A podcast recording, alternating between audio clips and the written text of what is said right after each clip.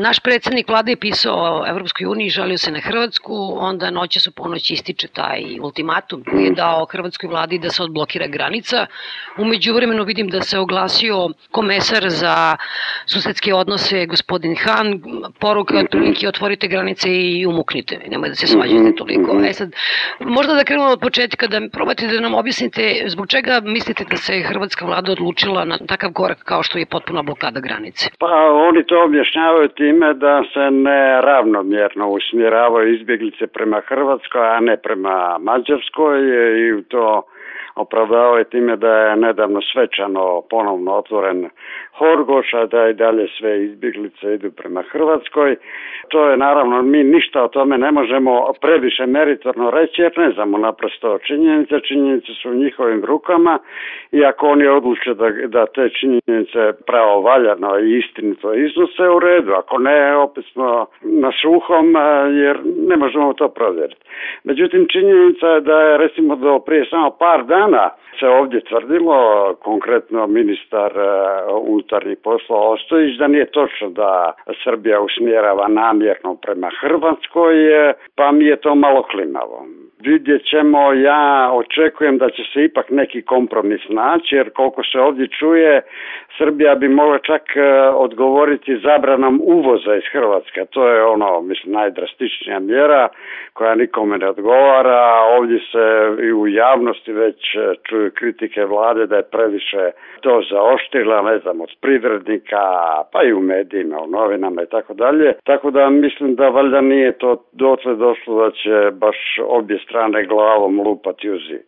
Kako se Hrvatska snašla u ovoj izbjegličkoj krizi? Pa ona je išla linijom manjeg otpora. Naravno, mađarski model ne dolazi u obzir, od njega se u ostalom svi ograđuju, ograđuje se i Srbija, ograđuje se i Slovenija, ograđuje se Brisel i tako dalje, a ta linija manjeg otpora otprilike sliči na protoši bojler. Što uđe, za dan, dva će izaći, i to je to. Zapravo je to odgađanje problema. Niko, pa ni Hrvatska, pa uostalom ni Srbija, ali ona je u manje povoljnoj poziciji jer nije članica Europske unije, ne postavlja suštinska pitanja kako se to dogodilo, šta će na kraju biti, šta da se radi, ovo ono, nego jednostavno svi primaju i izručuju izbjeglice, uključujući čak i Mađarsku koja je napravila odiozni od svih omrznuti žičani zid, pa i ona prima i prosljeđuje dalje u Austriju. Dakle, sve je to nekako, e, što se ovdje u Zagrebu kaže,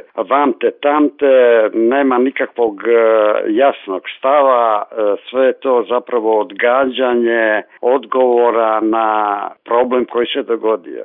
E, niko ne vidi širu sliku, a to je da su južne države Europe, uključujući Balkan, dakle i države iz bivše Jugoslavije, u osnovi puno solidarnije od e, Sjeverne Europe, tu je izuzetak Njemačka, ali ko zna dokle će to trajati, a da ne govorimo o ovom e, istočnom dijelu Europe, dakle to su postkomunističke zemlje koje očito kao bliski američki saveznici su rezervirali pravo da budu ono nacionalisti, šovinisti kad im pade na pamet. To je dno dna, odbiti, primiti izbjeglice jer nemaš džamije kao da su to neki vjerski fanatici koji jedva čekaju nakon desetaka hiljada kilometara da odu u džamiju i poklone se.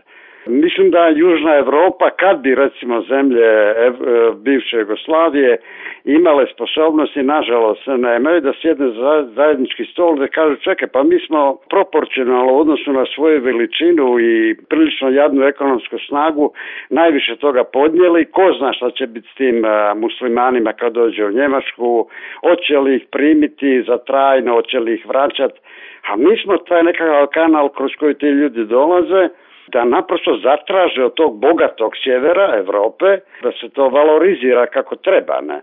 Pa ne samo to, recimo e, imate primjer Grčke koja je u vrijeme kad je Siriza dolazila na vlast imala najrazrađeniji, najotvoreniji program e, primanja, pa čak i, i ovoga integriranja, udomljavanja, trajnijeg izbjeglica, to niko nije primijetio, to niko nije valorizirao ali istina Bog niko ne valorizira ni šta se to sad e, u Grčkoj više ne spominje nakon što je Cipras primiren.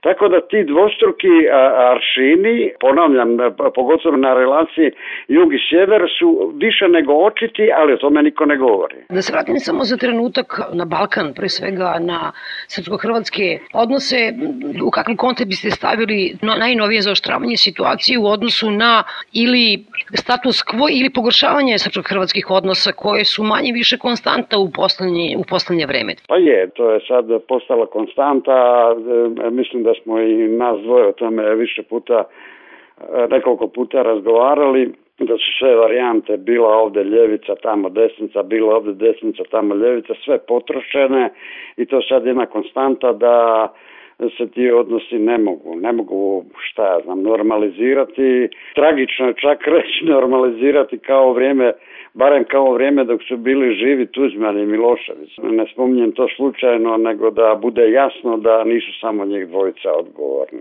za odnose među dvije, dvijema država. A ne znam, to je sad teško prognozirati jer se ne može prognozirati koliko će taj izbjeglički val trajati.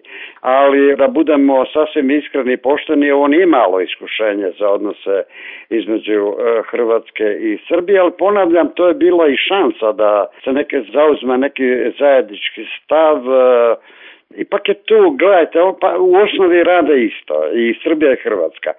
Po principu protočnog bojlera primaju izbjeglice i onda ih prosljeđuju.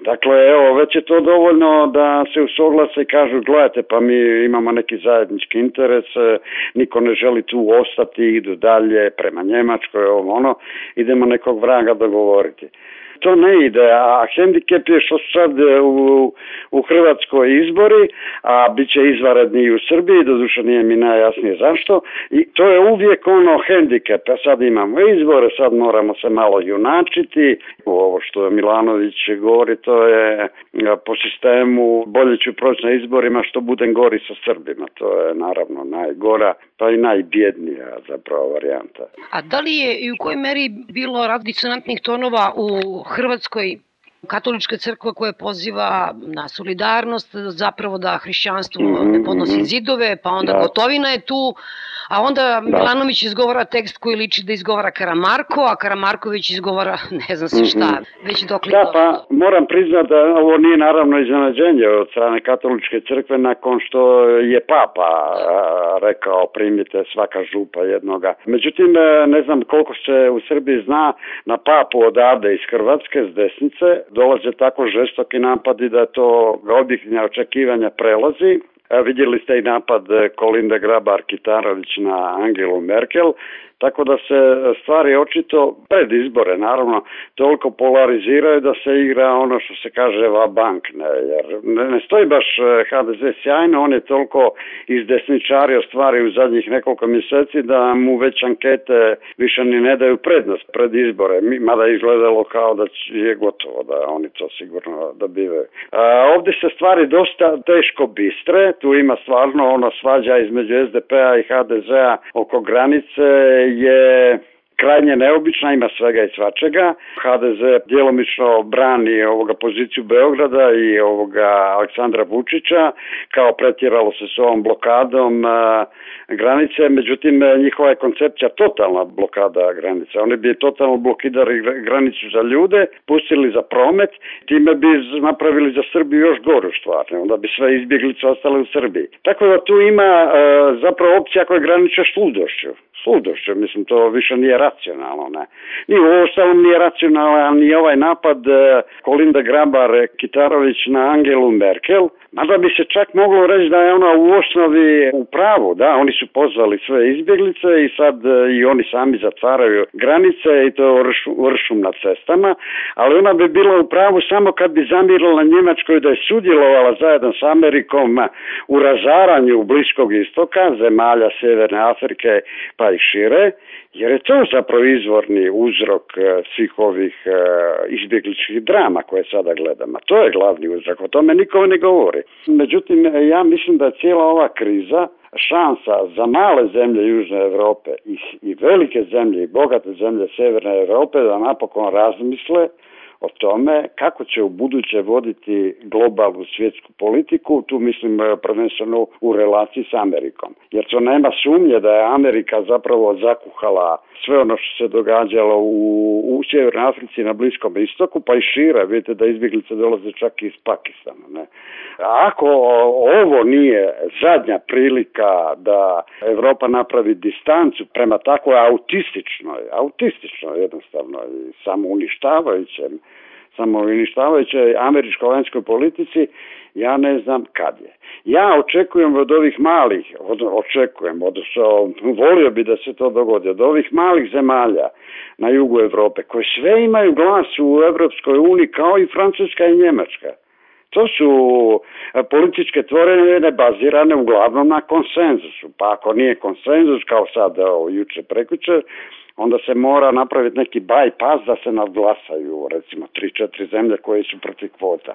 Dakle, sve one imaju svoj glas. Pa je, naravno nije niko luda misli da je glas Hrvatske isti kao glas Njemačke i Francuske. Ali daj ga ti upotrebi, da mi to čujemo, da krene neka druga priča. Jer ako sad nije vrijeme da se raskrisi s ovom, mislim, ovo nije više nekakav stari imperializam koji imaju neku svoju unutrašnju logiku i ovo ono, ovo je, ovo je po na granici ludosti ovaka zapadna politika. Ako te male zemlje nisu u stanju dignuti sada glas, onda neka jednom zauvijek zašute.